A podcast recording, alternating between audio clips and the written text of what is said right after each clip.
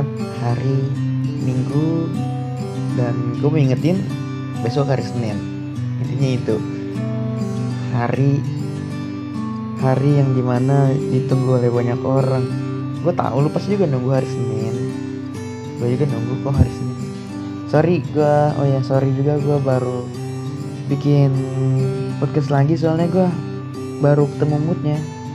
Bukan mood gue nge-podcast atau segala macamnya lah tapi perihal gue malas nyari mic gue mic gue nggak tahu ke mana. Perasaan nih perasaan kemarin masih nangkrak aja di atas meja. Masih di atas mic nih stand mic. Itu kayak itu masih jogrok di situ tapi gue tahu sekarang ke mana. Kata gue nih kabel udah pada misa-misa sama micnya.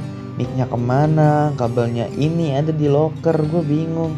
Lah ke di mana gue naro gue kemarin habis ngerapin kamar tapi gue nggak ngelihat ada mic. Entah ada yang mainin sama adik gue atau gimana. Tapi gue nggak ngerti mic gue ke mana ini hilangnya. Kalau sampai dimainin sama adik gue parah sih. Gue masa iya gue harus beli baru lagi. Tahu sendiri bocil mainannya. Jelepin ke air segala macem bawa buat tanah. Sedikit emosi tapi nggak apa-apa. E, kali ini gue nggak mau misin perkara dulu ya atau sebagainya. Gila, sini gue mau cerita tentang seorang gitu. Sebut aja dirinya si kupu-kupu. Cerita tentang orang yang selalu ngedorong gue yang selalu ngeyakinin gue kalau rasa ketakutan dalam diri gue tuh itu nggak bakal terjadi. Ternyata gini gue baru paham ternyata hubungan itu bukan perihal siapa yang bertahan sampai akhir tapi perihal siapa yang bisa mendewasakan. Dan dan gue baru sadar sih tentang treatment itu.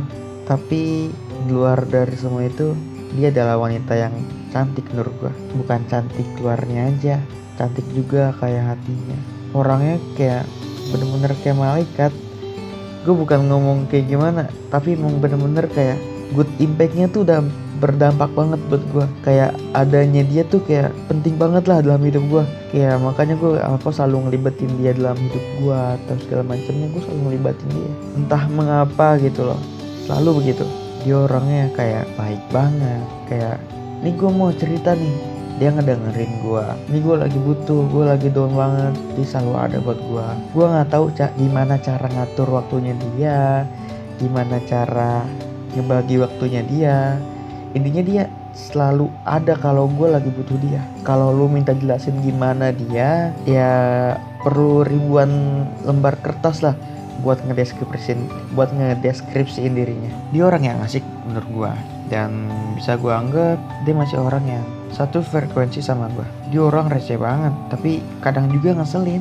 Entah mengapa orangnya ngeselin. Dalam hal apa pun itu dia selalu paling ngeselin. Tapi yang gue bangga dari dia ketika gue terpuruk dalam kondisi apa pun dia selalu ada buat gue itu yang gue bangga dari dia. Kapan pun itu di mana pun itu. Karena entah mengapa gue kalau pulang tuh ke dia. Gue nyebut pulang bukan berarti gue anggap dia sebagai rumah karena gue pernah baca manusia itu adalah suatu hal yang statis yang yang dinamis suatu hal sedangkan rumah adalah suatu hal yang statis yang nggak bisa bergerak jadi lu jangan pernah berpikiran bahwa ini orang adalah rumah lo. Kenapa ya nggak bisa? Karena manusia itu balik lagi manusia itu adalah suatu yang dinamis yang selalu berubah-ubah. Jadi kalau saat ketika lo pulang dia berubah nggak kayak biasanya, ya wajar. Kenapa? Karena dia manusia. Dia adalah suatu hal yang dinamis, bukan statis. Intinya dia orang yang selalu bagi kasih buat gue dia kayak bisa aja ngatur waktunya ngatur waktu buat bersama sama gue sama temen-temennya keluarga tugas segala macem tapi dia kayak punya aja waktu buat saling berbagi kasih sama gue. Hubungan gue sama dia yang lumayan lama buat perkenalan yang amat singkat. Entah kenapa ya kayak aura baik tuh kayak selalu muncul gitu dalam diri dia. Sampai gue bener-bener kayak nggak bisa dan nggak mau buat ngelepas dia. Entah kenapa tuh hati sama otak tuh pikiran tuh kayak bener-bener beda banget sih. Kayak ini pikiran nih udah prepare lu bakal kayak A B C ternyata hati lu ngelakuinnya D E F dan sebagainya. Itu hal yang masih belum terjawab sampai sekarang menurut gue. Kenapa gue bisa berpikiran kayak gitu? Kenapa gue gak kenapa gue kayak gak mau ngelepas dia? Karena dia kayak wanita yang bisa ngertiin perasaan gue gitu loh. Dia satu satunya orang yang sampai sekarang yang bisa ngatur ego gue. Dan yang bisa gue jadiin alasan kenapa gue masih mau bertahan sampai saat ini kenapa gue masih mau bernafas sampai saat ini? Agak sedikit alay tapi ya emang itu yang gue rasain. Yang gue suka dari dia tuh love language-nya itu loh.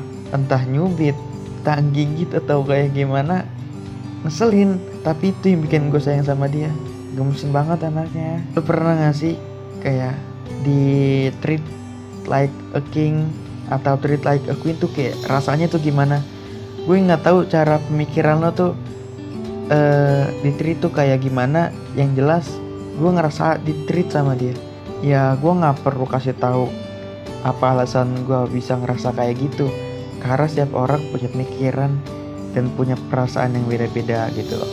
Tapi gue ngerasain tuh dalam diri dia. Kayak gemusin banget anjir anaknya asli nggak bohong. Apalagi kalau udah saling udah saling tatap-tatapan nih kayak anjing salting banget gue kayak kok bisa-bisanya gue salting? Ini gue kenapa sama gue kok gue bisa salting? Padahal cuman kayak ini gue cuman lihat-lihatan doang. Kayak eye kontak biasa aja. Tapi kayak kok gue salting ya? Coba lu bayangin uh, gue kenal dari suatu event. Dan masalahnya tuh dia di event itu kayak gue nggak tahu ya. Entah dia lagi ngeliatin gue atau ngeliatin siapa.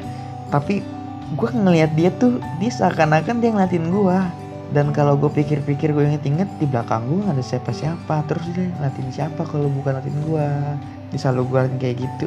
Dia ngeliatin gue nih gue ngeliatin balik dia buang muka. Dan gue juga ikut buang muka dong. Tapi pas gue udah buang muka lagi dia ngeliat gue lagi. Pas gue ngeliatin lagi dia buang muka lagi. Kayak gitu aja terus.